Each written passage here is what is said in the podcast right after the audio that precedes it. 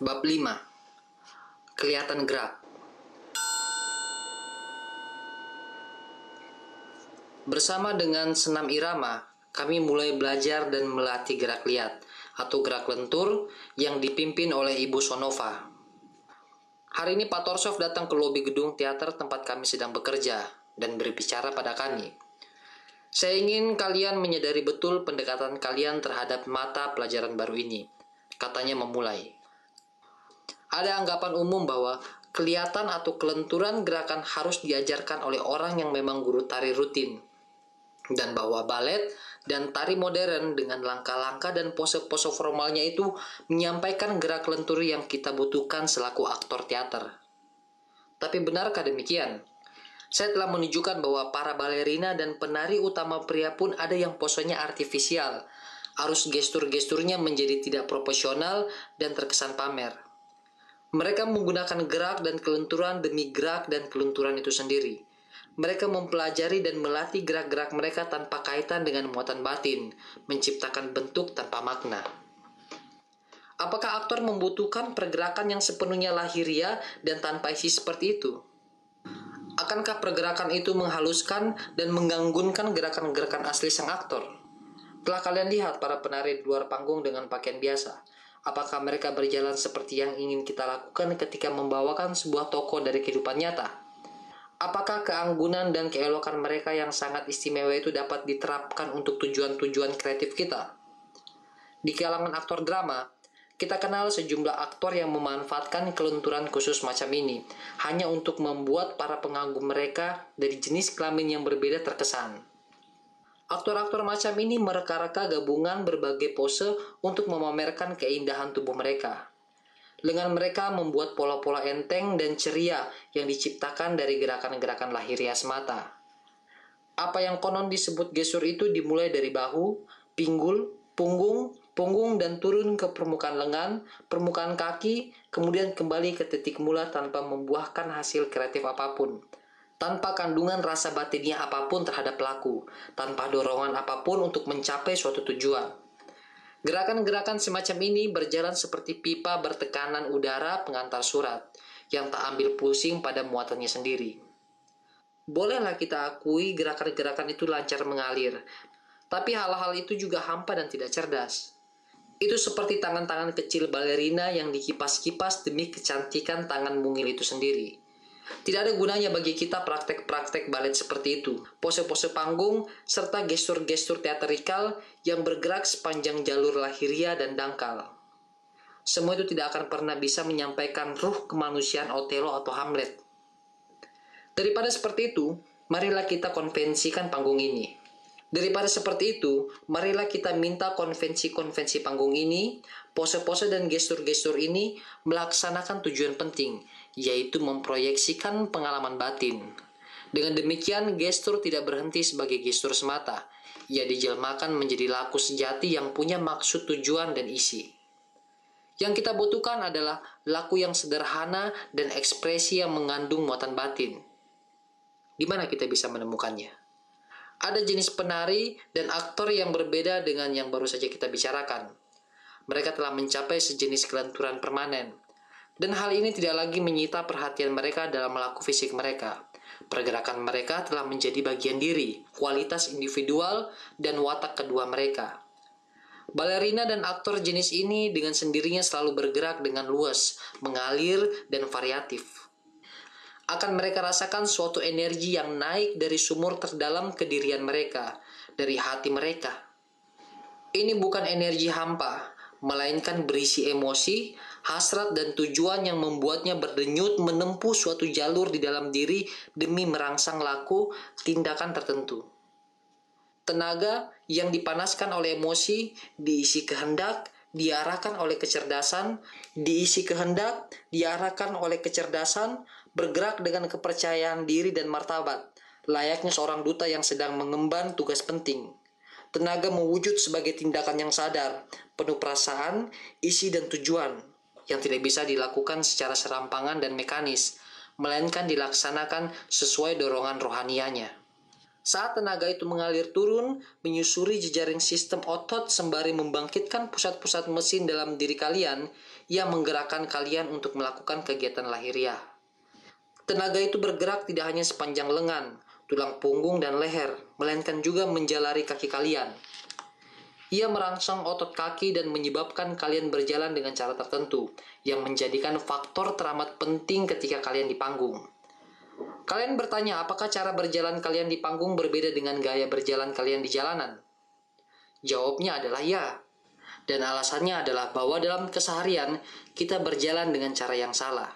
Sedangkan di panggung kita wajib berjalan dengan benar. Seperti yang dimaui alam dan sesuai kaidah alam. Di sinilah kesulitan terbesarnya.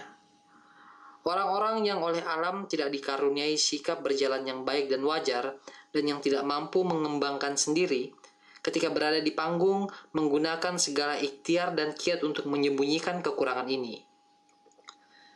Mereka belajar bagaimana berjalan dengan cara yang khusus, dengan bentuk dan keindahan yang tidak alamiah.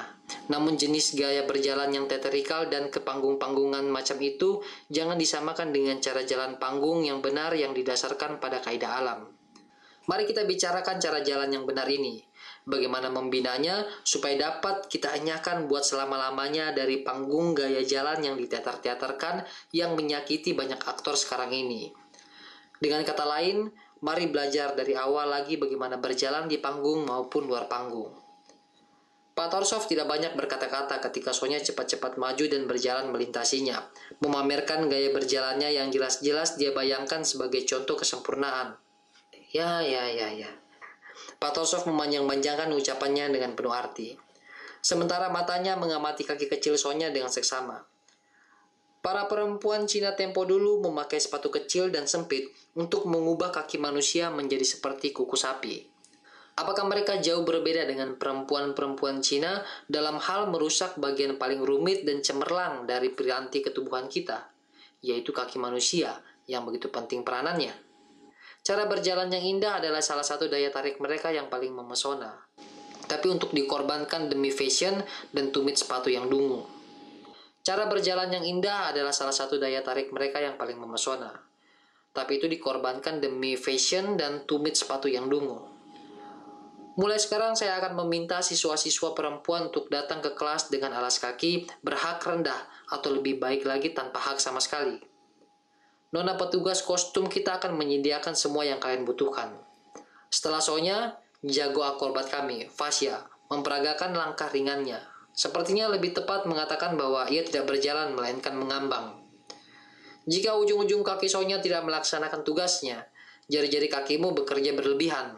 Pak Torsov, ya tak apa, tak apa. Memang sulit mengembangkan kaki yang bagus bentuknya. Justru lebih mudah mengurangi apa yang dilakukannya. Saya tidak khawatir tentang kamu. Kepada Leo yang berjalan dengan susah payah karena keberatan, Pak Torsov berkata, kalau lututmu tak dapat ditekuk karena penyakit atau kecelakaan, kau akan memeriksakan diri dari dokter satu ke dokter lain untuk mencari yang dapat memulihkan kelenturannya. Kenapa sih kau? Kedua sendi lututmu melemah dan aus begitu. Kau tetap tak peduli. Kita tidak bisa berjalan sama sekali kalau kaki kita kaku, tidak bisa ditekuk. Masalah Gracia adalah kekakuan tulang punggungnya yang juga punya peran besar dalam berjalan. Kepada Paul, Pak Torsov menyarankan untuk melumasi sendi pinggul yang agaknya karatan. Ini menyebabkan ia tidak bisa melemparkan kakinya cukup jauh ke depan. Jangkauan langkahnya menjadi pendek sehingga tidak sesuai dengan tinggi badannya. Ana menjadi contoh kekurangan yang selalu terdapat dengan kebanyakan perempuan. Dari pinggul sampai lutut, kakinya mengarah ke dalam, dia harus melakukan latihan-latihan tambahan tertentu di kelas balet supaya pinggul dan lututnya mengarah keluar. Jari-jari kaki Maria mengarah ke dalam begitu rupa sampai-sampai kedua kakinya boleh dikatakan saling menjegal. Sebaliknya, ujung-ujung kaki Nicholas terlalu mengarah keluar. Pak Tarsov menilai caraku menggunakan kaki tidak berirama. Caramu berjalan mirip cara sebagian orang berbicara. Mereka memanjang-manjangkan kata-kata mereka, lalu entah kenapa tiba-tiba menumpahkan kata-kata mereka berserakan dan kemeletak seperti butir jagung kering. Serangkaian langkahmu tenang, seksama, tapi lalu tiba-tiba kau ngebut. Langkah-langkahmu seperti detak jantung yang rusak. Sebagai hasil dari ulasan ini, kami menjadi sadar akan kecatatan masing-masing serta rekan-rekan dalam berjalan. Dan ternyata kami tidak tahu lagi bagaimana caranya berjalan. Seperti anak kecil, kami harus berjalan lagi untuk menguasai kebiasaan yang penting dan sulit ini. Untuk membantu kami dalam pelajaran ini, Pak Tosov menerangkan susunan kaki dalam pelajaran ini. Pak Tosov menerangkan susunan kaki manusia dari atas sampai bawah dan dasar cara berjalan yang semestinya. Kalian tidak perlu menjadi aktor, insinyur mesin, atau montir untuk memahami dan sungguh-sungguh mensyukuri tata kerja sarana gerak yang ada di tubuh kita. Demikian kata-kata pembuka Pak Torsov. Kaki manusia, katanya lagi, dari panggul hingga telapak mengingatkan saya pada struktur bawah gerbong kereta tidur. Berkat adanya berbagai pegas yang menyerap dan meredam guncangan-guncangan ke semua arah, bagian atas gerbong itu, tempat para penumpang duduk, tetap nyaris tak bergerak meski sebenarnya kendaraan ini melaju sangat cepat dan terhempas-hempas sepanjang perjalanan. Inilah yang harus berlaku pada pembawaan orang ketika berjalan atau berlari. Pada saat demikian, torso dengan dada, bahu, leher, dan kepala harus tidak goyah, tenang, masing-masing sepenuhnya bebas untuk membuat gerakan sendiri, seperti menumpang di atas kereta tidur yang nyaman itu. Hal ini dimungkinkan terutama oleh tulang punggung kalian. Kegunaan tulang punggung adalah menjalankan tugas seperti pegas ulir yang dapat meliuk ke arah mana pun, mengikuti gerak yang terkecil sekalipun. Untuk memelihara keseimbangan bahu dan kepala yang sedapat mungkin harus tetap tenang dan bebas dari segala sentakan. Persis seperti pada gerbong kereta api, pegas-pegas kita pun berada pada bagian bawah tubuh kita. Pinggul, lutut, pergerakan kaki, dan semua persendian jari-jari kaki kita. Peranan pegas-pegas itu adalah meredam guncangan atau gegar saat kita berjalan atau berlari, dan juga saat kita mengayun tubuh kita ke depan, belakang, dan samping pada setiap gerakan melempar atau mengguling. Pegas-pegas itu juga punya fungsi lain, yaitu menggerakkan tubuh yang disangganya ke depan. Itu dilaksanakan dengan cara tertentu sehingga tubuh ini lagi-lagi seperti gerbong kereta api, akan bergerak sehalus mungkin pada jalur horizontal dengan hanya sedikit naik turun. Dalam menggambarkan kepada kalian cara berjalan dan berlari ini, saya jadi ingat kejadian yang benar-benar membuat saya terkesan. Waktu itu saya sedang memperhatikan beberapa tentara lewat. Kepala, bahu, dan dada mereka kelihatan, sedangkan bagian bawah badan mereka tertutup pagar yang memisahkan saya dengan mereka. Mereka tampak seolah tidak sedang berjalan, melainkan berselancar atau berski di atas permukaan yang benar-benar rata dan halus. Seolah mereka meluncur, tidak ada langkah naik turun yang kasar dan patah-patah. Efek ini timbul karena semua pegas yang bersangkutan di pinggul, lutut, pergelangan kaki, dan jari-jari para tentara itu melaksanakan fungsi-fungsinya dengan luar biasa baiknya. Itulah yang menyebabkan bagian atas tubuh mereka tampak seperti meluncur horizontal jika dilihat dari balik pagar. Itulah yang menyebabkan bagian atas tubuh mereka tampak seperti meluncur horizontal jika dilihat dari balik pagar. Untuk memberikan gambaran lebih jelas tentang fungsi setiap bagian yang serupa dengan pegas-pegas gerbong kereta api ini, saya akan membicarakan satu persatu. Mulai dari bagian atas, ada panggul dan seni-seni pinggul. Panggul dan sendi pinggul ini mempunyai fungsi ganda. Pertama, seperti tulang punggung. Bagian-bagian ini meredam guncangan-guncangan samping dan ayunan torso dari satu sisi ke sisi lain saat kita berjalan. Kedua, bagian-bagian ini mendorong seluruh kaki ke depan setiap kali kita melangkah. Gerakan ini harus leluasa dan lepas, sesuai dengan tinggi kita, panjang kaki kita, ukuran langkah kita, maupun kecepatan, tempo, dan gaya berjalan yang kita kendaki. Jika paha kita terayun dari pinggul ke depan dengan semakin baik, akan semakin bebas dan ringan pula kaki kita mengayun balik. Langkah yang dihasilkan pun akan lebih besar dan lebih cepat. Mulai sekarang, ayunan kaki dari pinggul ini, baik ke depan maupun ke belakang, tidak boleh bergantung pada torso kita. Meskipun torso memang sering mencoba ikut campur dan membungkuk ke depan atau ke belakang untuk menambah daya dorong pada gerakan berjalan kita yang seharusnya dilakukan oleh kaki kita saja dibutuhkan latihan-latihan yang khusus untuk memperbaiki langkah dan ayunan dari pinggul yang leluasa dan lepas. Pertanyaannya adalah, latihan macam apa? Berdiri dan lekapkan sisi badanmu pada tiang atau kusen pintu. Mula-mula bahu dan sisi kanan torsomu. Lalu gantilah, lengkapkan yang kiri. Sandaran ini diperlukan untuk mempertahankan posisi vertikal yang tidak berubah-ubah lagi. Ini supaya kalian tidak membungkuk dalam posisi apa pun. Kalau posisi vertikal torso kalian sudah mantap, sekarang tumpukan berat badan kalian kuat-kuat pada kaki yang berada di dekat tiang atau kusen pintu itu. Angkat tubuh kalian sedikit dengan bertumpu pada ujung jari kaki itu. Dan ayunkan kaki yang satunya lurus keluar tanpa membengkokkan lutut. Mula-mula ke depan, kemudian ke belakang. Cobalah saat mengayunkan ke depan maupun ke belakang, kaki dan tubuh kalian membentuk sudut siku-siku 90 derajat. Pada awalnya, ini harus kalian lakukan sebentar saja dan dengan gerakan lamban. Tapi lakukanlah sambil meningkatkan durasinya sehingga kalian melatih semua otot yang terkait. Tentu saja kalian tidak bisa langsung melakukannya secara maksimal. Ini harus dilakukan secara bertahap dan sistematis. Bila kalian sudah selesai melatih ini pada kaki kanan kalian, misalnya, lakukan hal yang sama dengan cara yang sama pula pada kaki kiri. Dan berhati-hatilah, tiap kali kalian melontarkan kaki, telapak kaki jangan bertahan membentuk sudut siku-siku terhadap kaki, melainkan harus terentang ke arah yang sama dengan arah ayunan kaki kalian. Dalam berjalan, seperti yang saya katakan tadi, pinggul bergerak naik turun. Nah, saat pinggul kanan naik, seiring kalian mendorong kaki kanan ke depan, pinggul kiri kalian turun seiring kaki kiri kalian mengayun ke belakang. Saat ini berlangsung, kalian rasakan gerak berputar dalam sendi-sendi pinggul kalian. Pegas berikutnya di bawah panggul adalah lutut. Pegas lutut ini punya fungsi ganda, membantu gerakan tubuh ke depan sekaligus meredam guncangan-guncangan serta sentakan vertikal bobot badan yang tumpuannya beralih dari satu kaki ke kaki lainnya.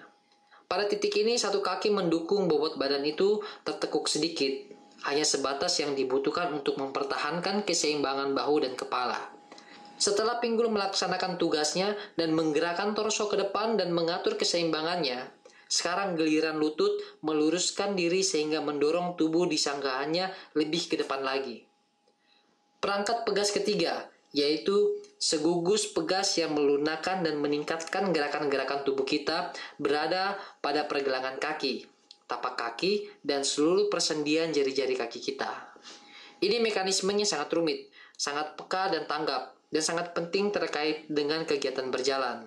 Saya minta kalian memberikan perhatian khusus pada hal ini. Menekuknya pergelangan kaki membawa torso maju lebih jauh.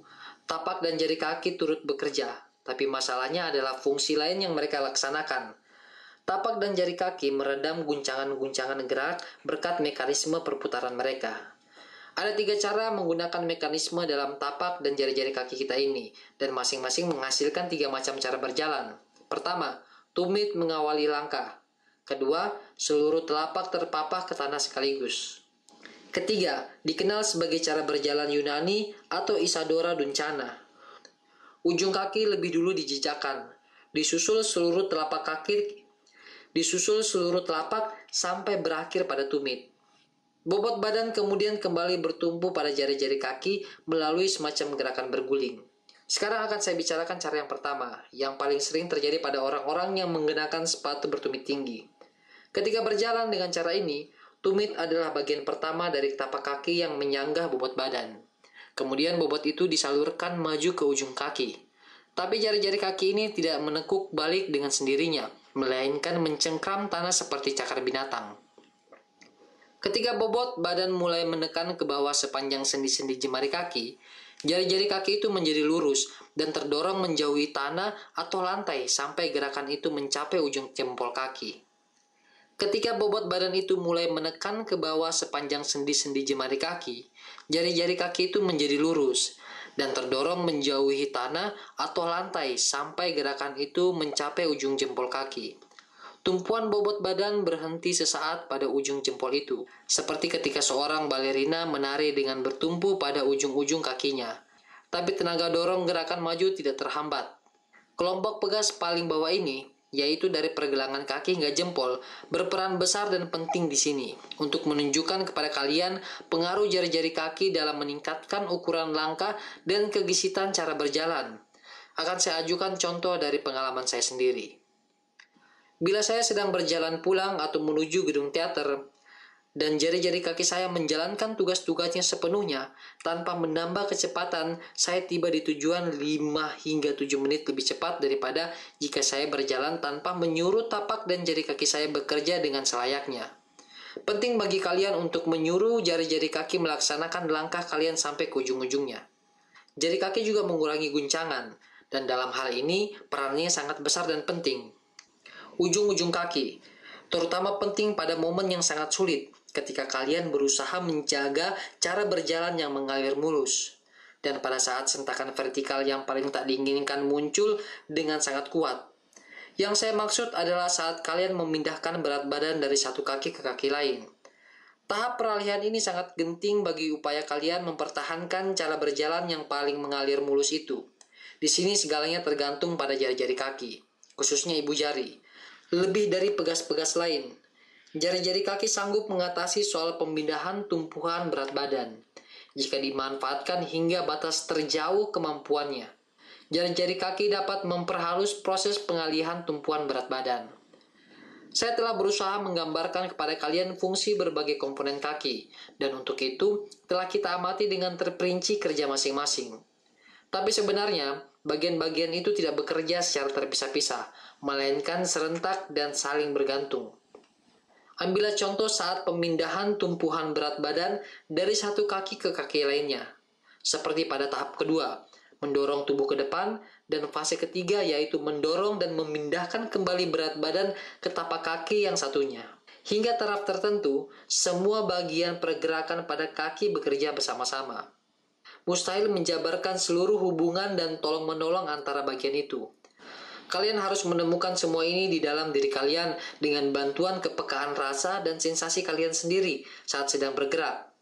Saya hanya dapat memberikan kalian gambaran garis besar tata kerja alat yang hebat dan rumit ini. Saya hanya dapat memberikan kalian gambaran garis besar. Saya hanya dapat memberikan kalian gambaran garis besar tata kerja alat yang hebat dan rumit ini, yaitu kaki manusia. Ketika Pak Torsov mengakhiri penjelasan-penjelasannya, semua siswa mulai mencoba cara berjalan ini. Tapi tampak jelas, cara berjalan mereka justru lebih buruk ketimbang sebelumnya. Tidak seperti kebiasaan mereka yang lama dan tidak pula melaksanakan apa pun yang baru saja diajarkan. Pak Torsov melihat aku membuat kemajuan, tapi segera ia tambahkan. Ya, bahu dan kepalamu bebas dari sentakan. Tapi, tapi gerakan meluncurmu yang mulus itu hanya menyusur bumi. Kau tidak terbang melintasi udara. Akibatnya, jalanmu lebih mirip merayap atau merangkak.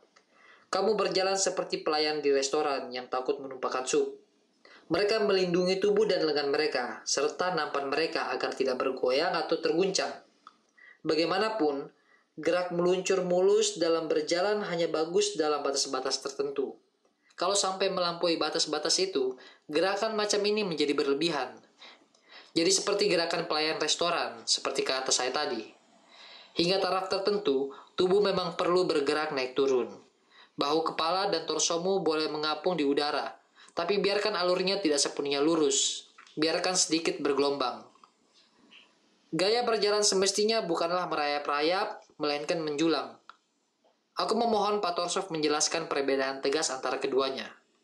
Rupanya, dalam cara berjalan merayap, ketika berat badan dialihkan tumpuannya, misalnya dari kaki kanan ke kiri, Kaki kanan mengakhiri kerjanya bertepatan waktu dengan mulai bekerjanya kaki kiri. Dengan kata lain, kaki kiri memindahkan berat badan pada saat yang sama dengan kaki kanan mengambil alih beban itu. Akibatnya, dalam gaya berjalan merayap atau merangkak itu, tidak ada saat persekian detik pun ketika tubuh seolah terpacak di udara. Ketika tubuh hanya bertumpu pada ibu jari sebelah kaki yang melaksanakan hingga ke titik akhir alur gerak yang ditugaskan padanya, dalam gaya berjalan menjulang, ada saatnya ketika untuk sedetik lamanya seorang seolah meninggalkan bumi bagaikan penari bergerak dengan hanya bertumpu pada ujung-ujung jari kaki. Momen angkatan yang ringan ini disusul dengan turunan yang halus, tak terlihat tanpa sentakan, dan serah terima berat badan dari satu kaki ke kaki yang lain. Menurut Pak Torsov, kedua saat itu, menurut Pak Torsov, kedua saat itu melayang ke udara dan perubahan halus tumpuan berat badan dari satu kaki ke kaki lain sama-sama penting karena keduanya merupakan kunci bagi langkah yang ringan, halus, tak patah-patah. Langkah yang bahkan punya watak mengapung yang ringan. Bagaimanapun, mengapung saat berjalan tidaklah sesederhana kelihatannya. Bagaimanapun, mengapung bagaimanapun mengapung saat berjalan tidaklah sesederhana kelihatannya. Pertama, sulit menangkap detik-detik terjadinya angkatan atau gerakan naik itu. Untungnya aku dapat merasakannya. Kemudian Pak Torsov berkomentar bahwa aku melompat-lompat naik turun dalam garis vertikal. Tapi bagaimana caranya saya bisa naik, menjulang tanpa melompat? Tanyaku. Kau harus meninggalkan bumi bukan ke atas, melainkan ke depan dalam garis horizontal. Di samping itu, ia menekankan bahwa tidak ada istirahat, tidak ada pelambanan dalam gerakan tubuh ketika membuat satu langkah. Dorongan maju tidak boleh terhenti bahkan sepersekian detik pun. Terpacak di lantai dengan bertumpu pada ibu jari sebelah kaki. Kita harus terus mempertahankan momentum itu pada tingkat yang sama dengan ketika langkah dimulai. Langkah macam itu meluncur mulus di atas bumi, tidak naik secara tiba-tiba, kasar dan vertikal, melainkan bergerak horizontal semakin lama semakin jauh ke depan, secara tak kentara meninggalkan tanah, seperti pesawat saat lepas landas. Lalu dengan mulus turun lagi lalu dengan mulus turun lagi tanpa menghentak-hentakan naik turun. Gerakan maju horizontal ini menghasilkan alur yang agak melengkung, menggelombang. Sedangkan melompat naik turun dalam gerakan vertikal menghasilkan alur yang bengkok, zigzag, kaku, dan patah-patah.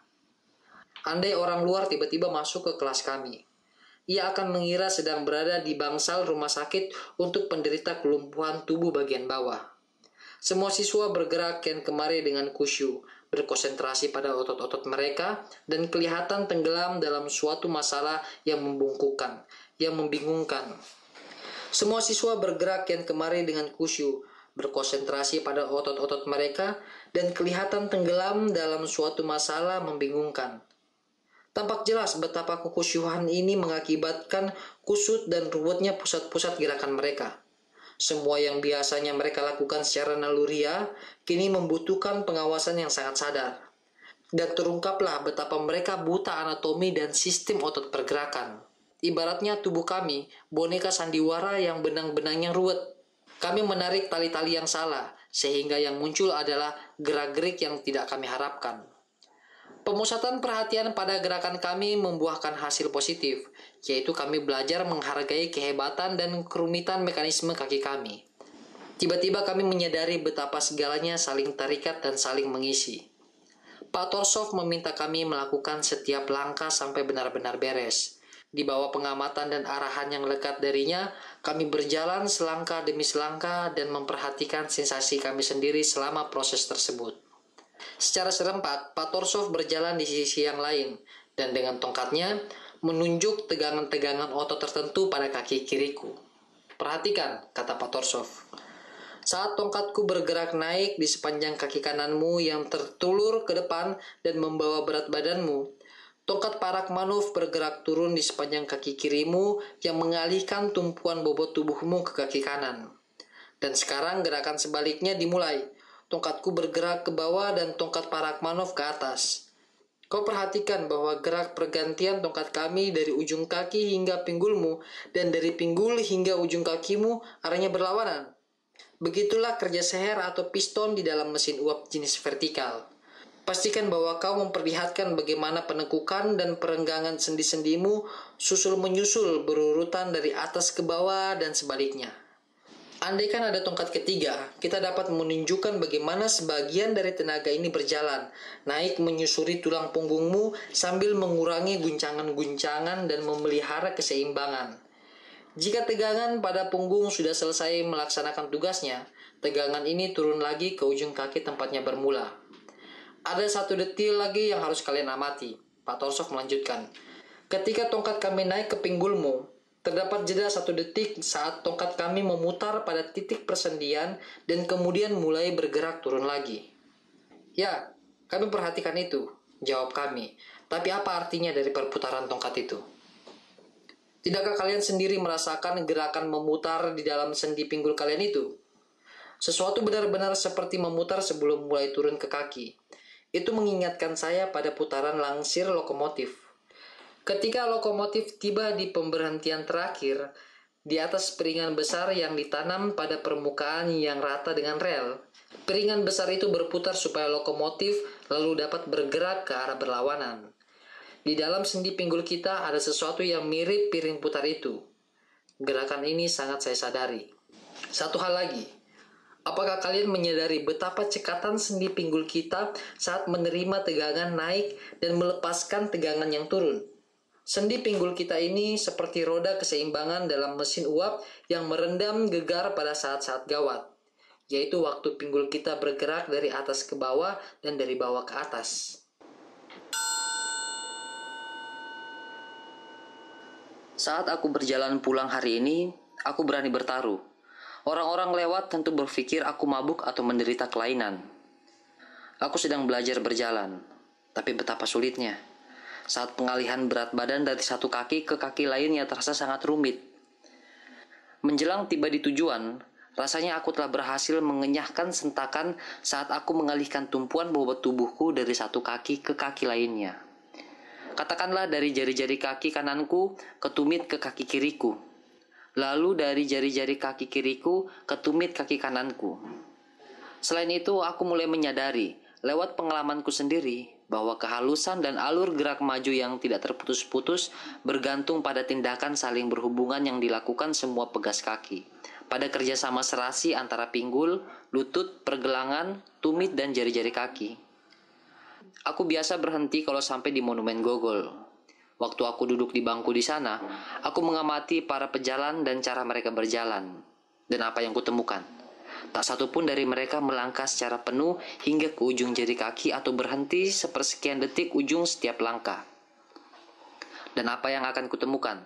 Tak satu pun dari mereka melangkah secara penuh hingga ke ujung jari kaki atau berhenti sepersekian detik di ujung setiap langkah. Satu-satunya yang berbuat demikian adalah anak perempuan kecil yang kulihat berjalan dengan gaya melaya, mengapung dan tidak merayap seperti para pejalan lainnya. Pak Torsov memang benar, Orang-orang tidak tahu bagaimana caranya menggunakan anggota tubuh yang menakjubkan, yakni kaki mereka. Jadi kami harus belajar. Kami harus mulai dari awal dan belajar berjalan, berbicara, melihat, bertindak. Sebelumnya ketika Pak Torsov bicara panjang lebar kepada kami, aku tersenyum dalam hati dan mengira ia mengemukakan semua gagasan ini hanya dalam rangka menjelas-jelaskan. Sekarang sudah kupahami nilai harafiah dari apa yang dikatakannya kepada kami dan dalam kaitannya dengan program berikut dalam pengembangan ketubuhan kami. Menyadari hal ini sudah sama dengan melaksanakan separuh pertempuran. 3. Pak Torsov datang ke latihan gerak lentur kami lagi. Kali ini ia berkata, Gerak dan laku yang bersumber pada lubuk jiwa dan mengikuti suatu pola batin sangat penting bagi seniman sejati dalam drama, balet, dan bentuk-bentuk seni pergelaran lainnya. Hanya gerak dan laku macam itulah yang cocok kita gunakan waktu menciptakan bentuk fisik suatu toko.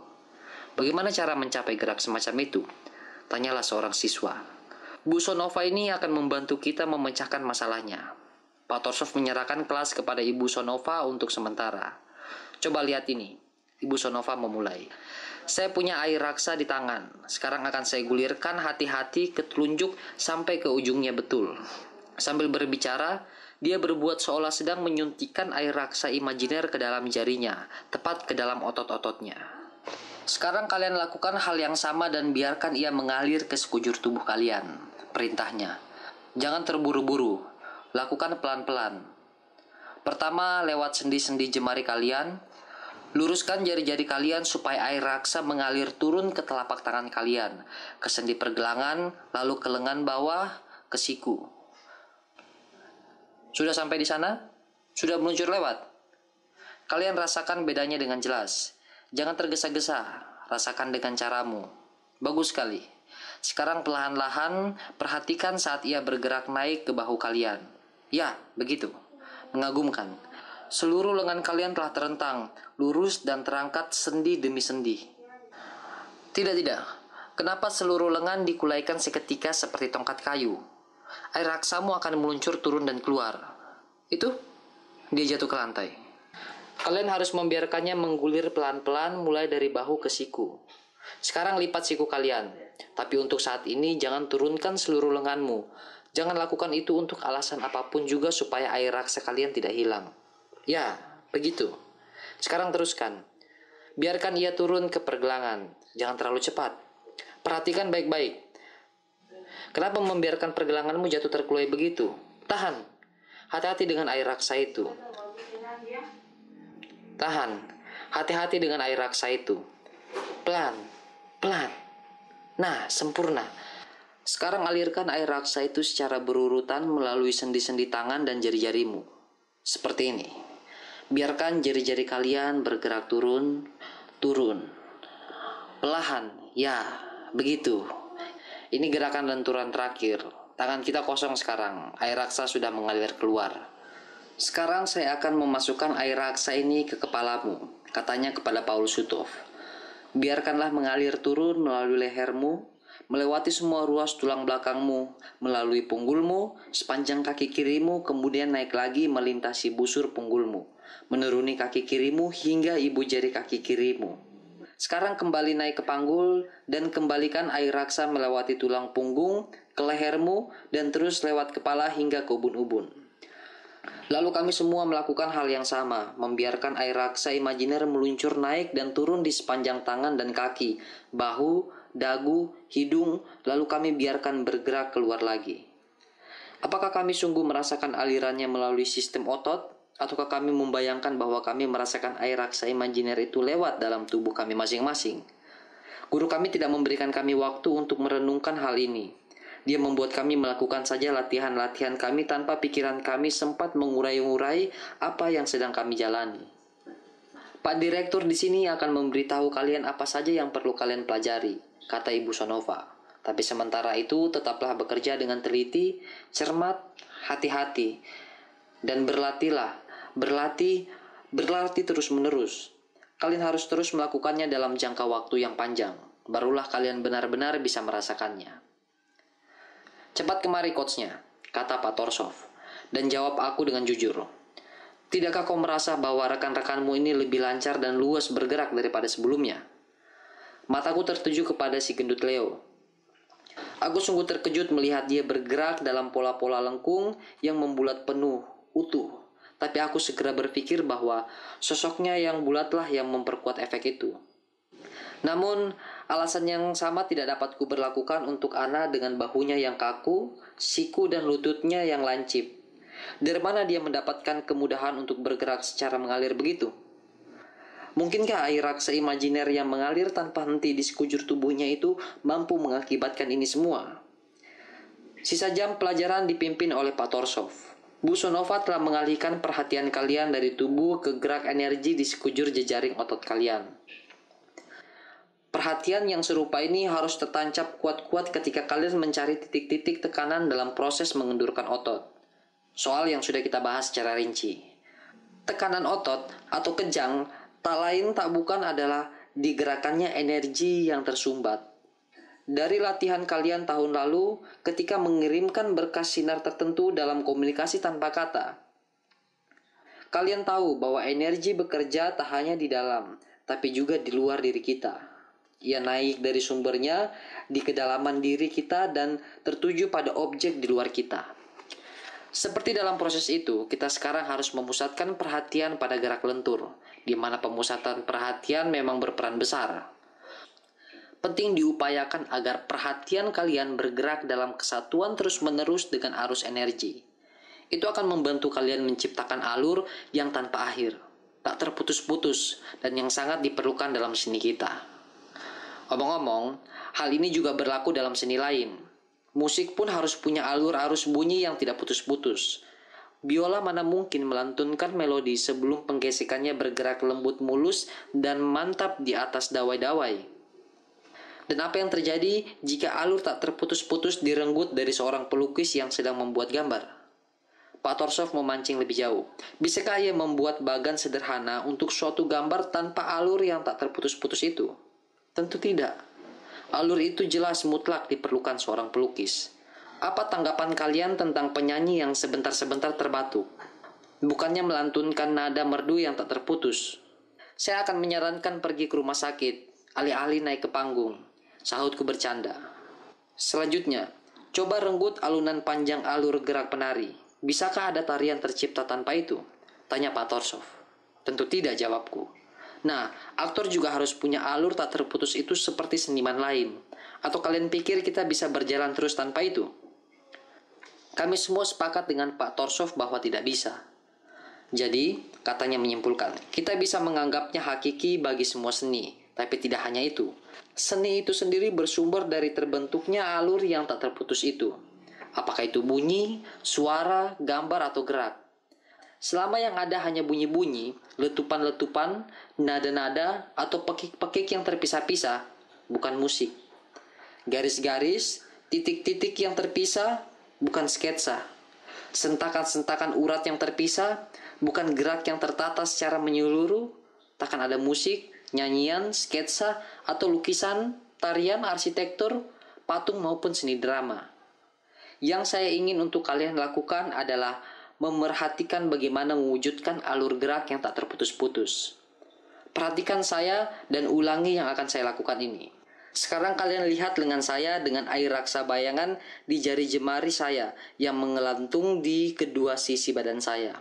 Tapi saya mau mengangkatnya, maka kita tapi saya mau mengangkatnya, maka kita setel metronom pada tempo paling rendah, yaitu nomor 10. Tetapkan bahwa setiap ketukan mewakili seperempat nada. Empat ketukan akan menjadi suatu birama empat per empat dalam gerak saya menaikkan lengan. Pak Torsov kemudian menyetel dan menghidupkan metronom dan memberi isyarat bahwa ia akan segera mulai.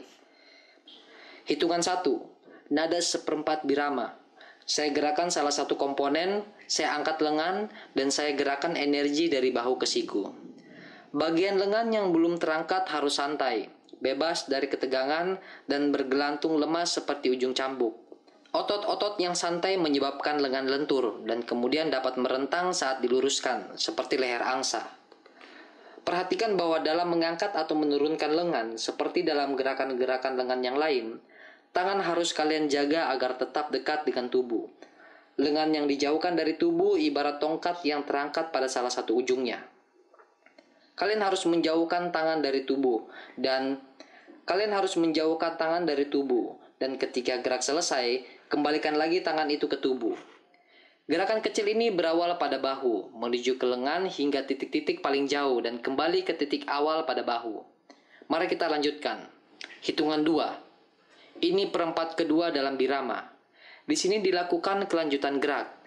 Air raksa bayangan mengalir dari siku ke pergelangan tangan seiring dengan terangkatnya bagian itu. Kemudian hitungan ketiga. Perempat ketiga dalam birama ini saya gunakan untuk mengangkat pergelangan dan satu persatu sendi-sendi jemari.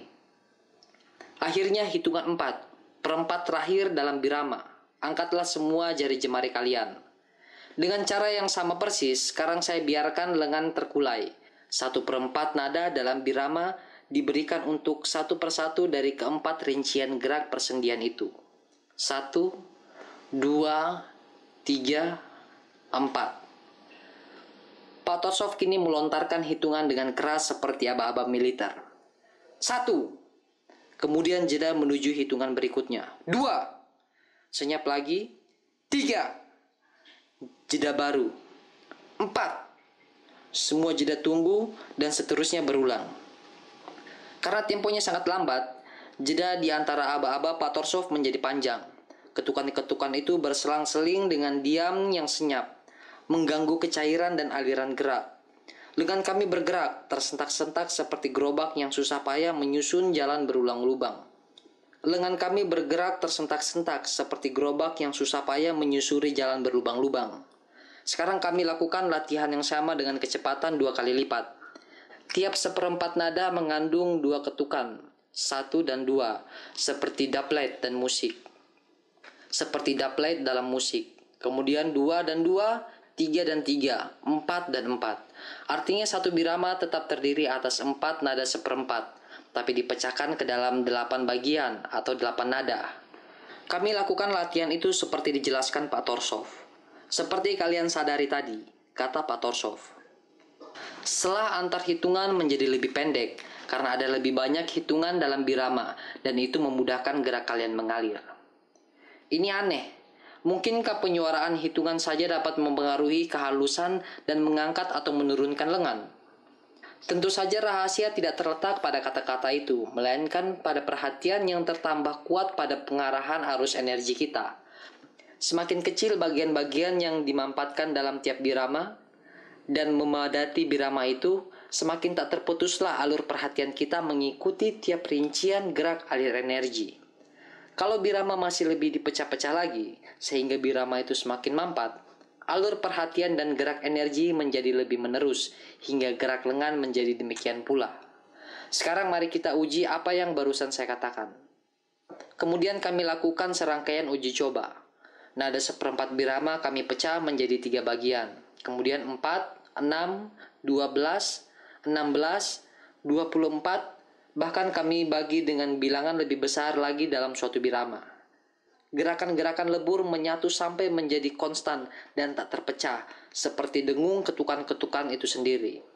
Satu, satu, satu, satu, satu, satu, dua, dua, dua, dua, dua, dua, dua, tiga, tiga, tiga, tiga, tiga, tiga, tiga, tiga, empat, empat, empat, empat, empat, empat, empat, empat.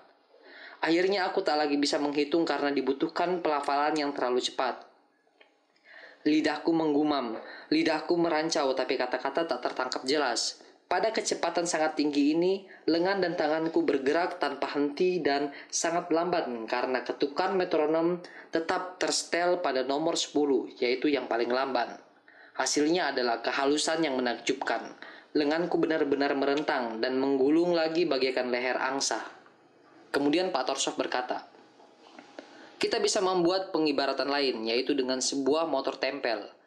Pada awalnya motor tempel ini meletup-letup, kemudian menjadi konstan, ajeng, demikian pula gerak baling-balingnya. Kalian pun begitu. Mula-mula kalian boleh dikatakan memuntahkan aba-aba. Sekarang suara hitungan itu sudah berubah menjadi satu bunyi dengung tak putus-putus serta gerak liat yang lamban. Dalam bentuk demikian, gerak itu dapat diolah untuk kepentingan seni karena sudah menjadi melodi yang berkelanjutan dan gerak yang ajeng dan menerus. Ini akan lebih kalian pahami ketika kalian melakukan latihan ini dengan musik. Karena yang akan kalian dengar bukan dengung suara hitungan kalian sendiri, melainkan alur bunyi musikal yang indah dan tidak terputus. Di sini para Kmanov duduk di depan piano dan mulai memainkan sesuatu dengan lamban dan lemah. Dengan iringan musik itu, kami merentangkan lengan, kaki, dan punggung kami. Apakah kalian merasakan? Tanya Pak Torsov. Bagaimana energi kalian bergerak dengan gagah dan indah dalam alur yang tak terputus? Itulah gerak yang menciptakan keleluasaan, kelihatan gerak tubuh yang sangat kita perlukan. Alur batin ini berasal dari lubuk terdalam diri kita, energi yang dihasilkan penuh dengan rangsangan perasaan, kehendak, dan kecerdasan. Ketika dengan bantuan latihan sistematis, kalian mulai terbiasa dan merasa nikmat mendasarkan laku kalian pada alur batin ketimbang alur lahir. Kalian akan mulai mengetahui apa arti emosi gerak itu sendiri. Saat kami telah menyelesaikan latihan, Pak Torsov melanjutkan. Alur gerak yang padat dan tak terputus dalam kesenian kita adalah bahwa mental yang kita olah untuk menghasilkan bentuk yang liat, lentur seperti untayan wol atau benang katun yang tak terputus digarap sewaktu masuk ke pemintal. Alur laku kita pun diarahkan untuk menghasilkan tenunan artistik. Pada titik tertentu, mungkin kita membuatnya lebih ringan atau tipis, sedang pada titik lain kita memperkuat. Pada tahap ketiga, kita mungkin mempercepatnya, memperlambat, menahan, menghentikannya, menghentikannya, menambahkan tekanan berirama dan akhirnya menata keseluruhan gerak sesuai dengan tekanan tempo dan irama. Dalam laku yang kita hasilkan, saat-saat mana sajakah yang harus bertempatan dengan ketukan birama dalam pikiran kita? Tahap-tahap itu amat sangat singkat, sepersekian detik yang nyaris tak terasa, yaitu ketika arus energi melewati titik-titik persendian, sendi-sendi jemari maupun ruas-ruas tulang belakang. Saat-saat yang teramat pendek inilah sasaran perhatian kita. Saat menggulirkan air raksa imajiner dari sendi satu ke sendi lain, kalian catat ada saat ketika energi yang dilambangkan dengan air raksa itu melintas bahu, siku, lengkukan pergelangan tangan, dan persendian jari jemari. Itulah yang tadi kita lakukan dengan iringan musik. Mungkin saja kesamaan waktu terjadinya tidak dapat benar. Mungkin itu tidak terjadi ketika kalian harapkan. Mungkin munculnya terlambat atau lebih awal. Mungkin ketukan birama itu tidak kalian hitung dengan tepat, melainkan hanya kalian kira-kirakan. Yang penting adalah bahwa laku yang kalian pecah-pecahkan menjadi banyak bagian itu mengisi diri kalian dengan tempo dan irama. Bahwa kalian terus-menerus menyadari birama, Sementara perhatian kalian mengejar serta menyerap bilangan hitungan yang semakin diperbanyak dan mustahil diucapkan lidah. Terciptalah alur perhatian yang tak terputus, dan bersamaan dengan itu tercipta pula alur laku yang tak terputus yang kita cari. Hal yang ternyata istimewa menyenangkan adalah mengaitkan gerak energi dalam diri dengan irama. Fanya yang bekerja keras di sebelahku menemukan bahwa Musik sungguh-sungguh menghaluskan semua gerak kita sehingga meluncur mulus dan lancar sekali.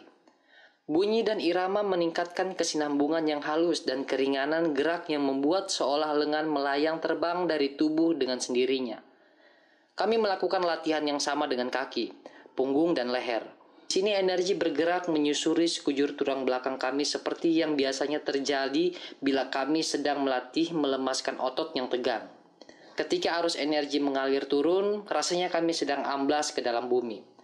Waktu energi naik menyusuri sekujur tulang punggung, kami serasa tertayang dari bumi.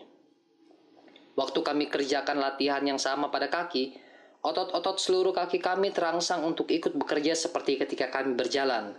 Kapan pun kami mampu menghasilkan arus energi yang halus dan teratur, kami dapat melangkah dengan halus, teratur, dan lentur.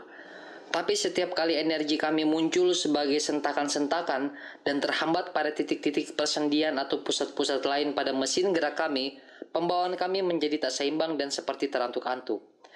Karena pembawaan kalian memiliki alur yang tidak terputus-putus, kata Pak Torsov. Berarti tempo dan irama ada di situ. Setiap gerak, misalnya gerakan lengan kalian, terbagi menjadi pecahan-pecahan komponen gerak ketika energi tersalurkan dari sendi satu ke sendi lain. Maka, kalau kalian nanti meneruskan latihan, selaraskan ketukan tempo dan irama luar langkah kalian dengan ketukan alur gerak energi di dalam diri kalian, sama dengan yang kita lakukan dengan lengan dan tulang punggung. Betapa besar perhatian yang dibutuhkan untuk menjaga gerak energi yang teratur dan berirama. Jika sampai muncul letupan dan sentakan yang tak dikehendaki, sekecil apa pun itu, akan putuslah arus dan kehalusan gerak, dan pola pemberian tekanan pun buyar. Kami juga disuruh menghentikan dengan tiba-tiba aliran energi. Hal yang sama dilakukan pada tempo dan irama. Hasilnya adalah sebuah pose diam. Kami meyakini kesejatian atau isi atau pose ketika kami merasakan dorongan batin yang memberikan alasan pembenaran bagi pose itu.